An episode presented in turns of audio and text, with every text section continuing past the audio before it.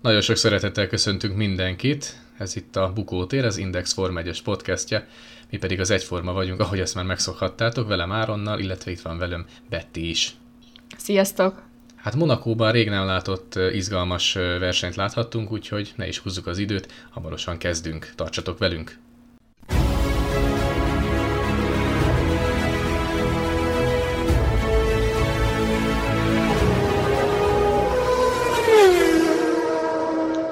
Ugye már a mostani nagy díj hétvégén is felröppent a hír, hogy már 2023-ba sem rendezhet futamot Monaco. Mm, ez számomra amúgy nagyon nagy meglepetés volt, de hogy így kicsit a tények mögé nézzünk, van realitása a dolognak, nem igazáron? Hát sajnos szerintem igen, mert nézzük, nézzük azt a részét, hogy ugye Monaco nem a nem az előzéseiről volt híres a múltban sem, illetve valószínűleg a jövőben sem, hiszen azt, hogy még a vonalvezetést megváltoztassák, szerintem elfből nem lenne szabad, mert ez annyira tradicionális helyszín, hogy, hogy szerintem vétek lenne ebbe belenyúlni, és tényleg az 1950-es évek óta minimálisan módosított, módosítottak ezen a pályán, a vonalvezetésén, és hát szerintem itt, itt ihatja meg a levét a Forma 1 abból a szempontból, hogy ugye az európaiságát itt ihatja meg, hiszen ugye az amerikai tulajdonosokat pont nem érdekli szerintem semmilyen európai hagyománynak a tisztelete. Tehát gondolok itt tényleg a monakói nagydíjra, hogy ez, ez, ez egy európai embernek mekkora milyen fontos hétvége. Tehát a versenyzők is egytől egyig elmondják, hogy, hogy ez nem szabad kivenni, oké, okay, hogy kevés az előzés, és pont Alonso mondta azt, hogy de hát a Hungaroringen is alig volt előzés az elmúlt években, mégsem merül föl, hogy, hogy ne rendezzék meg a viadalt. Teljesen egyetértettem vele, tehát Monakónak mindenképpen maradnia kéne, mert tényleg hát elég, hogyha csak az ember úgy figyeli a, a tájat, hogy mennyire gyönyörű, mennyire történelmi, de szerintem tényleg valós az a, az a fenyegetettsége a verseny hétvégének, hogy ez, ez ki fog kerülni a naptárból. Igen, és ugye a pilóták azért nagyban tiltakoznak ezzel ellen, mert Charles Leclerc is pont ezt nyilatkozta, hogy ez egy történelmi pálya, és a Forma 1 Monaco nélkül számára nem is Forma 1, és nagyon sokan így vannak, hogy egy bakancslistás nagy díj mindig a, monakói nagydíj. Én úgy gondolom, hogy annyira kultikus versenyhelyszín, hogy az első utcai pálya révén igenis tradíciója van, és igenis helye van a versenynaptárban, de lehet, hogy ez most az európai elfogultságon mondja. de de én, én, nem örülnék neki, hogyha Monaco kikerülne már jövőre. Igen, mert Monakónak hogy mindig megvolt az a, az a, az, az a, az a varázs, ez, ez csak magamat ismételgetem. Tényleg az ember tudta, hogy Monaco, uh, Monaco, ebbe lesz izgalom, ebbe lesz majd érdekes. Aztán lehet, hogy nem volt, de hát rengeteg tök jó versenyt rendeztek itt, annak ellenére, hogy előzni, hát azt tényleg nem igazán lehet. Egy-két kivétel van az elmúlt év tizedekből, mondjuk a 2005-ös, 6-os verseny például kifejezetten jó, az a 2010-es, de hát nyilván lehetne még sorolni, tehát annyi, annyi fantasztikus történés, meg nagy eseménynek a helyszíne volt ez. Na mindegy, ezért szorítsunk neki, hogy tényleg kapni fog még egy jó pár éves szerződést ez a remek pálya. És hát az biztos, hogy 22-ben még volt itt verseny, még nem is akármilyen. Hát pénteken meg szombaton mondjuk hát a szokásos éves képet láttuk, tehát Ferrari, Red Bull csata. Azonban érdekes módon most nem Verstappen volt a Red Bullnak a szó szerint mondhatjuk vezérbikája, hanem Sergio Perez. Szerinted mi történt Verstappen ezen a hétvégén, aki láthatóan, meg úgy érezhetően is úgy, úgy valahogy nem, nem érkezett meg úgy igazán most Monte Carlo-ba? Érdekes amúgy már Perez hétvégi teljesítményét így fókuszba helyezve azért látszott, hogy az első szabad edzésen is, a második szabad edzésen is megverte Max verstappen illetve a harmadik szabad edzés pedig ugye abszolút elsőként nyerte meg.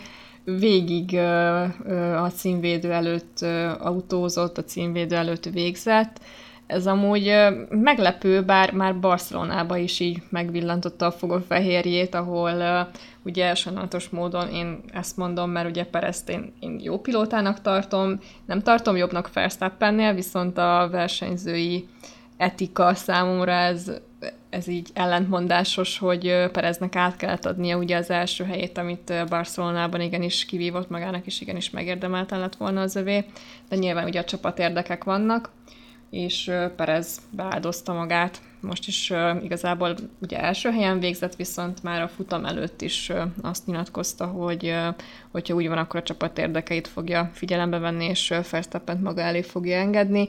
Ez azért a versenyzői motivációjának biztosan nem tesz jót. de, de így is nagyon motiváltnak tűnik, és sorra hozza itt a jobbnál jobb eredményeket, úgyhogy ezért is kaphatta meg most a mai napon, mint kiderült, ugye 2024-ig hosszabbított vele a Red Bull, úgyhogy most már biztosan az energiaitalosok kötelékébe lesz még plusz két évet. Igen, és erről volt is egy, az interneten láttam egy, egy videót, hogy el is szólta magát, miközben mentek fel a pódiumra Christian Hornerrel, hogy, hogy hú, lehet, hogy túl hamar hosszabbítottam, valami ilyesmit mondott, és hát valószínűleg ebből már ugye következtetni lehetett, hogy a hamarosan ugye a bejelentésre is sor kerül. Perez egyébként rengeteget fejlődött tavalyhoz képest. Hát tavaly pont annyira pont az hiányzott belőle, ami most megvan, ez a stabilitás. Tehát nincsenek Q3-as, meg főleg Q2-es búcsúk a szombati napon, borzasztóan stabil. Kevésszer tudja Verstappennek a tempóját hozni, hiszen tényleg az elmúlt versenyek eseményei tényleg magukért beszélnek de, de nincs az a hatalmas nagy lemaradás, nincs az, hogy Verstappen nyer, Perez meg mondjuk egy 8.-9. helyen beelvickél, hanem tényleg ott van, vagy nagyon erős pontszerző helyen, vagy hát inkább a dobogón, és ez, ez nagyon kell a Red Bullnak, főleg most, hogy a Ferrari hát eléggé, hogy mondjam, hát mondjuk úgy, hogy másfél pilótával versenyez kettő helyett, erről nyilván később is majd beszélünk, meg hát Ferrari-nál most vannak egyéb problémák is, de Perez mint a kicserélték volna, tehát tényleg egészen elképesztő, és valóban, ahogy mondta, Spanyolországban is már győzelmet érdemelt volna a produkciója. Egy, még a Red Bull annyival ezt hogy mondjam, a csapatutasítást el tudja esetleg palástolni, vagy el tudja fedni, hogy hát Verstappen más gumitaktikán volt, és így jött ki. Mindegy, akkor is meg lehetett volna őket mondjuk meccseltetni. Itt emlékszem, hogy a legutóbbi podcastben Klink pont azt mondta, hogy hát nem, mert ennek tisztának kell lennie, minden pontra szükség van, hiszen ugye a tavalyi év is nagyon szorosan alakult, ebben mondjuk igazat tudok neki adni, de attól függetlenül azért nem véletlen mondta azt Perez, hogy erről azért majd még beszélgessünk. Abban sem lennék biztos, hogy Verstappen hasonló esetben elengedte volna a mexikóit. De mindegy, ez történt, ami történt. Mexikóban iszonyatosan jól ment, ö, Mexikóban, bocsánat, Monakóban nagyon jól ment Perez, biztos Mexikóban is majd jól fog menni, de tényleg a hercegségben kérlelhetetlenül jobb volt Verstappen, egyetlen egy hibát vétett ugye szombaton a, a Q3-nak az utolsó szakaszában, de hát ezt aztán a versenyen tudta kompenzálni, és hát el is jött ugye a futamnak a, a napja, és vele együtt az eső is, és hát nagyon régen volt ekkora felhőszakadás egy verseny előtt, én nem is nagyon emlékszem, hogy mikor volt, amikor ennyire mondjuk a rajt csúszott, de talán Texas volt néhány éve. De javítsanak majd ki a hallgatók, hogyha tévednék, vagy akár te is javíts ki. Ugye eljött a futam kezdete, és történt egy kis bonyodalom, ami miatt nem indulhatott el ugye időben a monakói nagydíj. Mi történt itt pontosan áron? Ez most valóban az FIA-nak a hibája, vagy vezetőségi alkalmatlanság, vagy esetleg más dolog történhetett? Hát, mondjuk úgy lesz, ez egy ilyen viszpajor szituáció, és az történt, hogy hát a versenyel együtt az eső is megérkezett Monakóba, ahol, amit az rebesgettek is eh, a futamot megelőző napokban, és eh, egyszerűen, legalábbis az FI közlése szerint áramszünet volt, és emiatt nem tudták eh, a, az állórajtot levezényelni, hiszen tényleg nagyon komoly elektronikai események történnek egy-egy rajtprocedúránál, és hát emiatt is döntöttek a gördülő rajt mellett. Hát nem tudom, én épp azt néztem, hogy akkor ment a verseny, akkor elkezdtem magam, hogy jaj, már megint ez a bemajrézás, hogy nem merik elrajtoltatni őket, könyörgön profikról beszélünk, hát majd meg tudnak állni ott a végén, de akkor először kimentek a safety car mögött, és láttam, hogy mekkora vízpermetet húznak maguk után, meg amikor a közvetítésben megláttam a, a, a Rászkász kanyarnál, ahogy nem ömlik, tódul a víz, mint egy ilyen Niagara vízesés, vagy én nem tudom, na akkor úgy hogy na, na nem. Akkor ezt egyelőre jegeljük. Emlékszel, én mondtam is neked, én szerintem itt, itt verseny sem lesz, mert egyszerűen olyanok voltak a körülmények, mint 2009-ben Malajziában. Igazat ugye el tudtak rajtolni, mentek is jó pár kör, de egyszer csak megjött a trópusi monszun, és, és egyszer törölték is, de nem volt folytatása annak a versenynek, hogy félpontokat kaptak a, vers, a, a pilóták, úgyhogy ez nagyon érdekes eset volt. Ilyen elég ritkán van, hogy áramszünet lesz. Nyilván lehet, hogy ebbe is van az fi valamilyen felelőssége, de mindegy, ezzel most el tudták mondjuk, mondjuk ezt így a szőnyeg alá söpörni. De aztán nagy nehezen aztán csak el tudott indulni a verseny, és hát Lökler simán ment elő, hiszen ez gördülő rajt volt, de kisvártatva ugye jöttek a, a box kiállások, ahol hát a Ferrari idén nem először, de most iszonyatosan nagy hibát vétett, tehát egy időmérős 1-2-ből nem tudott egy futamos 1-2-t csinálni, hanem csak egy 2-4-et. Szerinted hol, hol hibázott a Ferrari? Hogy, hogy nézhették ezt, ezt be ennyire, ezt a box taktikát? Szerintem a Ferrari-nál egyébként komoly belső kommunikációs problémák vannak, illetve a stratégáknak a szinergiája sem stimmel, hát valószínűleg ugyanúgy, mint a Red Bullnál, mert ö, olyan szinten eltaktikázták Lökler sima győzelmét, hogy ö, az messze veszett, tehát ö, konkrétan Charles Leclerc a 19. körben és a 23. körben is járt kerékcserén, teljesen értelmetlenül és ellentmondó információkat kapott a versenymérnökétől, Úgyhogy uh, én, én, én, nagyon nem tar- én nagyon méltatlannak tartom ezt a Ferrarihoz, uh, hogy, hogy tényleg ennyire szétesőben legyen a csapat, de ugye pontosan mi is történt. Tehát a ferrari sok mentek elő, Lökler simán vezette a versenyt, viszont ugye a pályán száradt, tehát a felszáradó pályát láthattuk már, egyre jobban száradt fel az ideális ív, ugye Sergio Perezzel rögtön reagáltak is a Red Bullosok, ugye Perez Interekre váltott, és két körrel később reagáltak csak Charles Leclerrel a Ferrari-sok, ami szerintem abszurd, hogy egy vezető pozícióból nem lehet rögtön reagálni, vagy úgy felmérni az adott versenyhelyzetet, hogy, hogy lássák, hogy itt igenis jönni kell, és interekre kell váltani, és hamarabb kell hozni Löklert, mert nyilván az intereken kint lévő Sergio Perez akkor előnyt autózott ki, legalábbis behozta a hátrányát, hogy a kerékcserék után ugye Perez vette át a vezetést, és hát, ez szerintem amatőr hiba egyébként. Hát igen, tehát az a baj, hogy, hogy nem igaz, hogy ennyire nem, nem figyelték azt, hogy Perez milyen első szektorokat jött. Már a, ugye a két körből az elsőben, tehát nem, tehát könyörgöm. Úgyhogy a srác az élen megy, és, és nem volt kicsi az előnye Löklernek, tehát hogyha most így, jól emlékszem, ilyen, ilyen 5-6 másodperc körül volt ugye Sainzhoz képest, tehát ennyire belealudni, ez, ez, ez, ez nem tudom, ennyire belealudni a versenybe. Tehát egyszerűen ez, ez hihetetlen, és innen, és az nagyon jól látszik, hogy, hogy a ferrari óriási nagy hátránya van ebből a szempontból, hogy nagyon rég mehettek reálisan a világbajnoki címért, és egyszerűen már nem tudták azt, vagy nem is tudják azt, hogy hogyan kell ilyen éles szituációkban ezekre a kétes ügyekre reagálni. A Red Bullnak pedig ott van a, a sok éves tapasztalata, hiszen a tavalyi évet, hát mondani se kell, tehát iszonyatosan kiélezett szezon volt.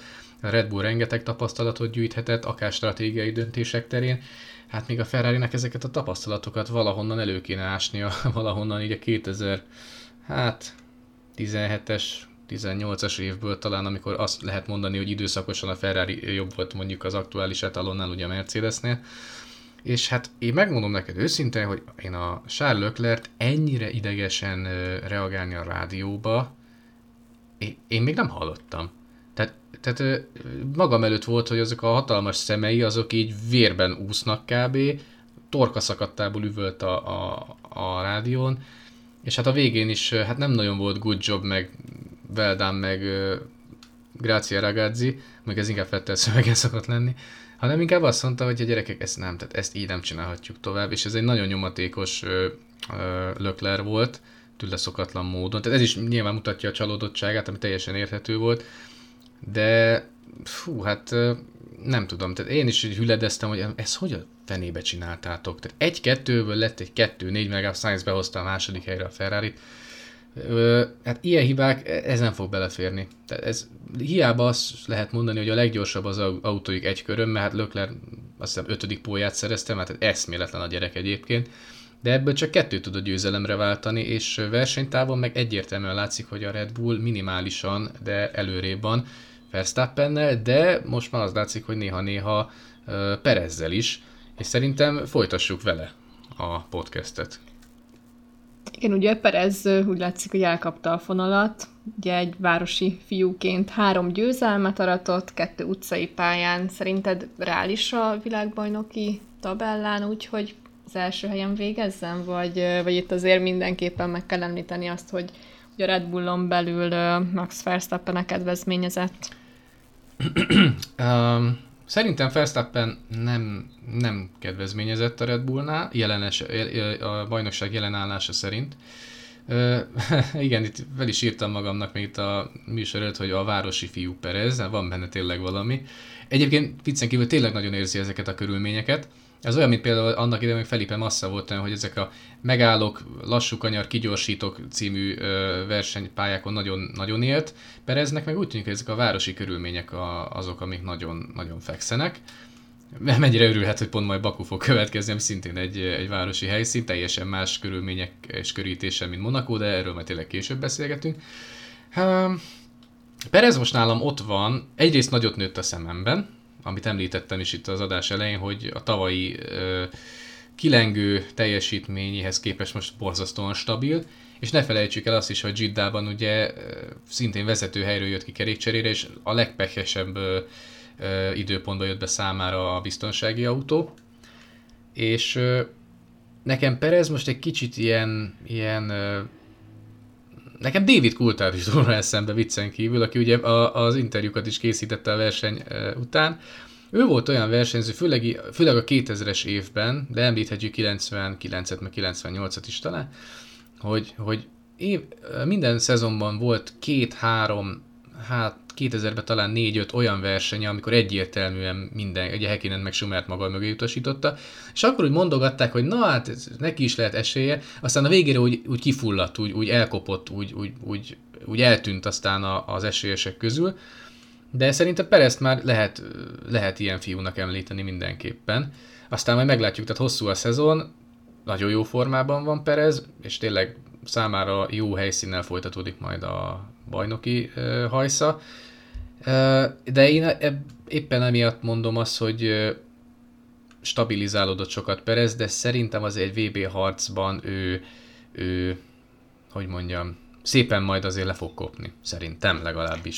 Szerintem is egyébként alul maradna a világbajnoki csatában, és én azt gondolom, hogy Christian Hornerék nem hiába szerződtették le őt, tehát az utóbbi évek legstabilabb második számú pilótája. Én nem gondolom, hogy Max Verstappen mellett neki bármikor is esélye lenne a Red Bullnál világbajnoki címért küzdenie. Szerintem egy, egy nagyon jó hátvéd szerepet be tud tölteni, egy nagyon jó pont, egy nagyon jó csapatérdekeket szolgáló pilóta, és a konstruktőri pontok számára is nagyon pozitív jelenség. Én, én nem gondolom, hogy Perez egyébként bármikor is világbajnok lesz még így a Forma 1-ben, de, de most ez pont akkor mondjuk, amikor 2024-ig ugye meghosszabbította a Red bull a kontaktusát, és ugye győzelemmel zárta a mostani nagy díjat, de, de azért ott van Max Verstappen, aki, aki köré épül ez az egész Red Bull dolog, úgyhogy én szerintem Sergio Perez egy nagyon jó összetevője lesz innentől kezdve is a Red Bullnak. E, igen, és végét annyit hozzátennék, hogy hát most e, azt is ki kell emelni, hogy ez egy Verstappen éles körülmények között szerintem nem mondok nagy őrültséget, hogy most szenvedett először vereséget házon belül Pereztől, és ez azért így másfél év alatt eléggé sovánka, azt gondolom, úgyhogy Úgyhogy nyilván most egy nagyon jó szériában van Perez, de azért még ne kezdjük el szerintem a VB esélyesek között mondjuk úgy rangsorolni. Ahogyan valószínűleg most már a Mercedeseket sem kell majd, hogy mondjam, világbajnok aspiránsként figyelni, mert mert egyszerűen, hát azt nem mondom, hogy ciki, amit csinálnak, de, de Monakóban nagyon nem voltak ott a szerem. Még Russell azt mondom, hogy igen, mert ő hozta a szokásos, nagyon stabil teljesítményét, de hát ennyit lesz szerintem velük kapcsolatban kiemelni. Te hogy látod? Hát nagyon furcsa dolog ez, hogy, hogy Russell folyamatosan nagyon veri Lewis hamilton az ilyen lehetetlen kategória körülbelül, hogyha nem tudnám, hogy most már pár futam lement, akkor így nagyon-nagyon kilennék ezen, hogy tényleg George Russell folyamatosan megveri Lewis Hamilton, a hétszeres világbajnokot, de nem is ez a lényeg, hanem az, hogy a Mercedes nem tud csodát tenni. Tehát Barcelonába hozta az új fejlesztéseket, valóban ott úgy látszott, hogy a középmezőny legerősebb csapata lehet, viszont most szintén egy kis visszaesés látszódott, illetve Toto Wolf is mondta, hogy igazából az autó jó lehetne, de vezethetetlen, és Louis Hamilton is ezt nyilatkozta, hogy hogy hiába mentek, viszont ö, olyan szinten rázott az autó, hogy így konkrétan nem tudott ö, teljesítményt felmutatni, úgyhogy ö, ez szintén nem a Mercedes ö, hétvégéje volt. Ö, lett volna a lehetősége Lewis Hamiltonnak úgy gondolom előzésekre, viszont ugye a monakói karakterisztika ezt nem feltétlenül favorizálja, tehát itt nagyon-nagyon nehezen lehet előzni, illetve Alonso is, tehát így nem tudom, hogy így viccelődött, vagy ez mi is volt ez a szituáció pontosan, hogy direkt feltartotta Hamilton, tehát így direkt belassított, és a mezőnyt magára húzta, tehát ez így vicces volt egyébként, amikor így nyilatkozott, hogy, hogy ő nem is érti, hogy ez így mi a problémájuk, de hogy tehát esélyese volt Hamiltonnak őt megelőznie. Egyébként nagyon jó kis csatát vívott Okonnal is. Szerintem még Okon amúgy pont hát a szabályosság határán belül volt. Hát Alonso, hát én szerintem amúgy betegre röhögte magát a sisak alatt, hogy na most akkor megszivatom az elmúlt évek egyeduralkodóját, de hozzátéve nyilván, hogy egy, egy rendes pályán valószínűleg állva hagyta volna az összes középmezőnbeli autót, főleg a DRS-sel. Az látszott egyébként, hogy a Mercedes iszonyatosan rászkódott a pályán. Ez nem feltétlenül a delfinezés, hanem egyszerűen annyira feszes a, a, az autó felfüggesztése valószínűleg, hogy, hogy ez ilyen negatív hatással volt tényleg a teljesítményükre. Meg az, hogy egy távol megy a panaszkodás Hamiltontól. Tehát jó van, barátom, igen, csak valami, őriz már meg egy kicsit, ugye valahogy az egót meg a méltóságot, mert olyan ciki kezd egy kicsit lenni, olyan vilnövös néha és Totó Wolf is ilyeneket nyilatkozik, hogy hát át, át kell építeni a monakói pálya vonalvezet, jaj, hagyjuk már. És amikor halomra nyertétek, akkor meg tökéletes volt. Ez mindig ez, ez a, ez a, a, ez a szájkarata, ez Igen, És egyébként ez pont négy hete ugye újra aszfaltozták az egész pályát, úgyhogy érdekes dolog. Abszolút így van. Miközben George Russell-től nyilván ő is elmondja, hogy hát küzdködés van, meg azt hitte, hogy ilyenkor azért már mondjuk esetleg győzelme is lesz a karrierében, de, de úgy szépen teszi a kis dolgát, mint egy rendes iparos, és már megint ott van az ötödik helyen, ott van, én azt mondom, ott van még mindig a világbajnoki összetetben egészen jó helyen. Ez a Mercedes, ez, hát én azt tudom esetleg belőlük még kinézni, hogy, hogy a, ahogy a fejlesztik majd az autót, lehet, hogy például olyan néhány versenyhelyszínen pont a választó vonal, vonal tudnak majd lenni a Red Bull meg a Ferrari között, de az, hogy ők ebbe a VB harcba visszajönnek, azt én itt kijelent, kimerem jelenteni így május 31-én, hogy ez, ez szerintem nem fog megvalósulni. Hogyha igen, akkor majd valami, valami esz, eszméleten dolgot fogok csinálni, lehet, hogy kopaszra borotváltatom magam, vagy a Hungaroringen mesztelenül körbefutok, még nem tudom, de szerintem a Mercedes az, az nem, tehát kiszállt tényleg ebből a VB harcból, mert ez az autó, ez lehet, hogy mindenféle tök jó megoldás van rajta mérnökileg, műszakilag, de ugye a pályán ezt nem lehet kihasználni, az, az biztos. Nyilván majd Bakura azért kíváncsi leszek, de de furcsa, furcsa minden esetre őket így látni. És ugye akkor jött egy eléggé durva horror baleset, ami ugye Mick Schumacher nevéhez fűződik, pontosan a 25. körbe, ha jól emlékszem, a 25. körbe történt az eset, és tényleg szerintem mindenkiben megült a vér, amikor megláttuk, hogy Mick Schumacher autója ketté szakadva a pályaszélén, és konkrétan Schumacher még az autóban ül, és konkrétan így másodpercekig nem is tudtuk, hogy, hogy mi történt, mert tehát másik résztvevőt ugye nem láttunk a balesetben, és semmilyen visszajátszást nem mutattak.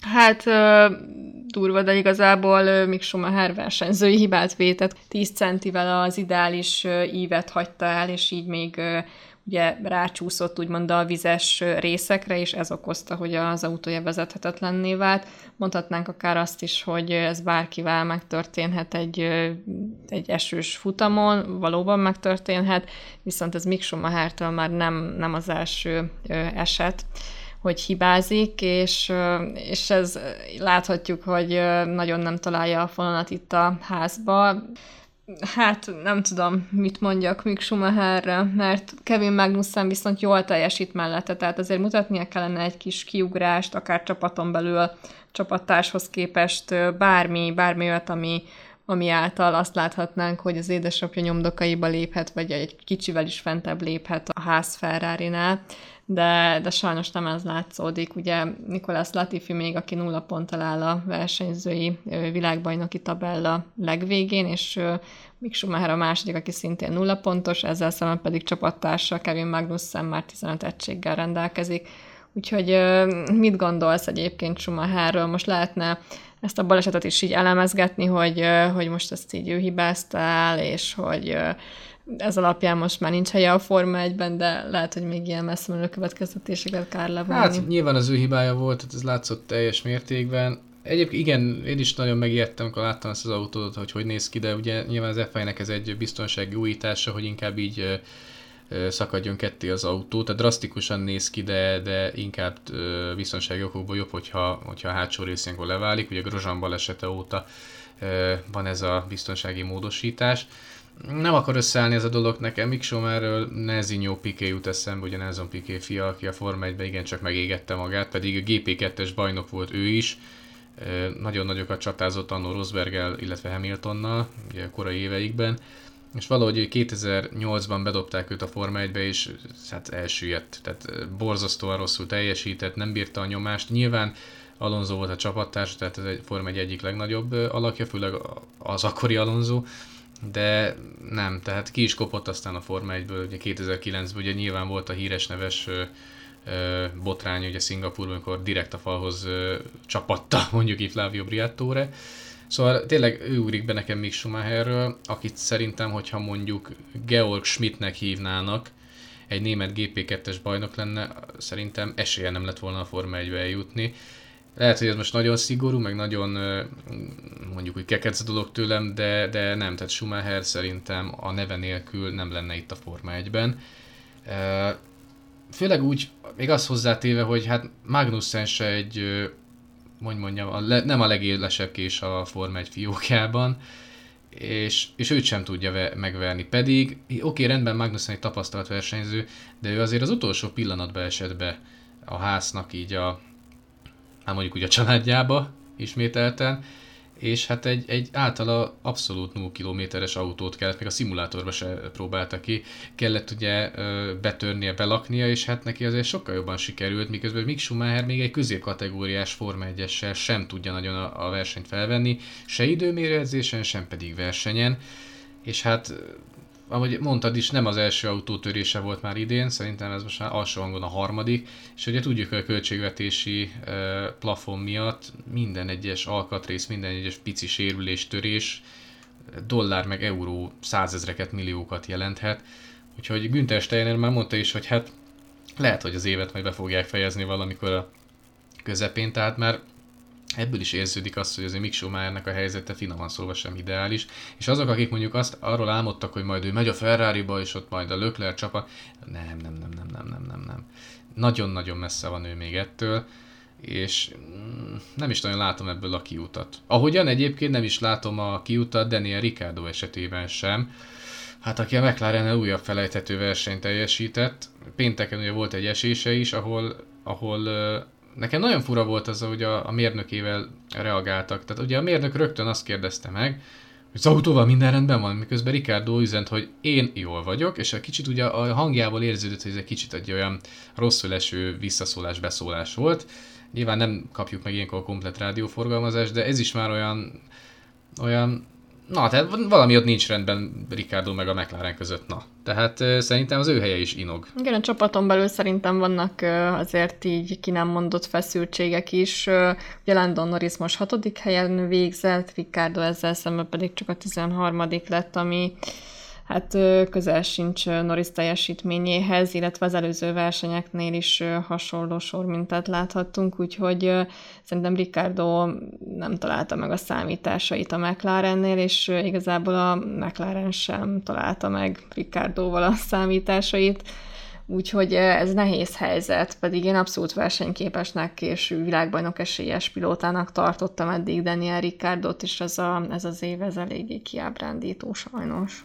Uh, igen, szépen Ricardo uh, mellett is ugye elmennek az évek, elmegy az idő, és uh, ugye 2014-ben, amikor uh, átkerült a Red Bullba, akkor ugye Fettelt fú, nagyon megverte. Akkor azt lehetett mondani, na ez a srác, ez tényleg, ez Ellen Jones után végre itt lesz az újabb Ausztrál világbajnok. Hát nem. Tehát ugye tavaly volt egy volt egy-két jó verseny, például amikor Monzában győzött. Ez is milyen furcsa, hogy Norris mondjuk, hogy a belét kihajtja ezért a csapatért, és erőn felül mindig odahozza a pontszerző zónába az autót.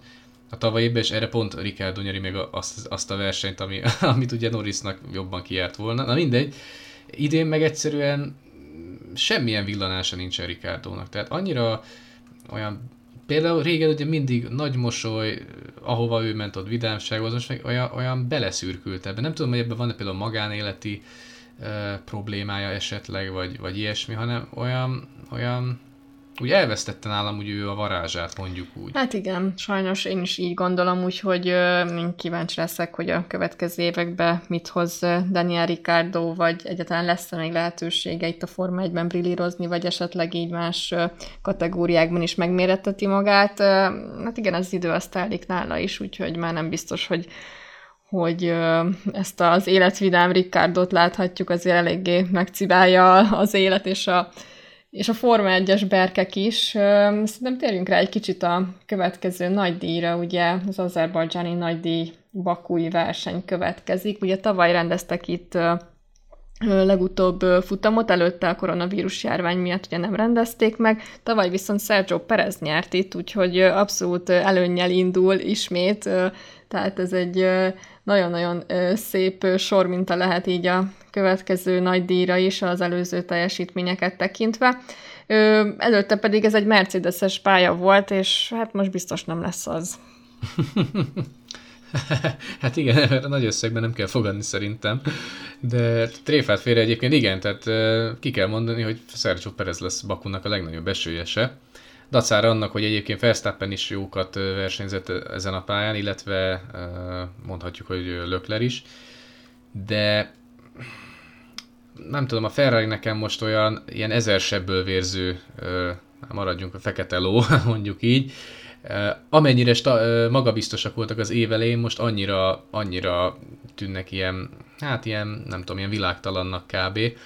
A Red Bullnál meg tényleg most van két iszonyatosan erős versenyző. Hozzáteszem egyébként, hogy Verstappen azt mondta még ugye néhány hónap ezelőtt is, hogy ez innentől neki bónuszjáték. Neki megvan a világbajnoki címe, ő nem akar ilyen rekordhalmozó lenni, mint Schumacher, Hamilton vagy mondjuk Juan Manuel Fangio volt, hanem ő tényleg innentől élvezni szeretné a dolgot, és egyébként ez vissza is köszön amúgy a versenypályán, tehát nincs már meg benne az a, az a kérlelhetetlen vadság, ami mondjuk tavaly megvolt, hanem hanem egy-két fokozattal azért ő, ő megszelidült, és lehet, hogy még ez is Pereznek néhány versenyen segíthet például. Tehát Bakuban is, ismerve Perez képességeit, hogy mennyire szereti az ilyen városi körülményeket, szerintem kimondhatjuk, hogy tényleg a legnagyobb esélyesként utazik Bakuba.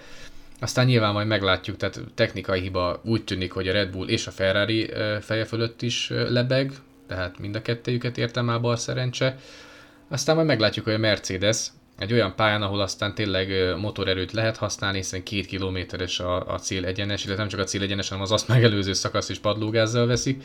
A Ferrari-ra nagyon kíváncsi leszek, ami pont az ilyen lassú csiki-csuki kanyarokban nagyon lubickol, ugye ezt Monakóban is láttuk Löklerrel, miközben az egyenesekben érezhetően folyamatosan hátrányban vannak a Red Bull-al szemben, Úgyhogy ilyen szempontból azért érdekes viadal lesz, de szerintem Perezre lesz a legkisebb otca a fogadóirodáknál, aztán majd meglátjuk. Hát ez volt a monakói díjat kibeszélő podcastünk itt az Indexen, de természetesen majd Baku után is jelentkezünk, hiszen azt gondolom, akkor is majd lesz miről beszélni. Köszönjük szépen, hogy velünk tartottatok, akkor is tegyetek majd így, addig is vigyázzatok magatokra. Szerbusztok! Sziasztok!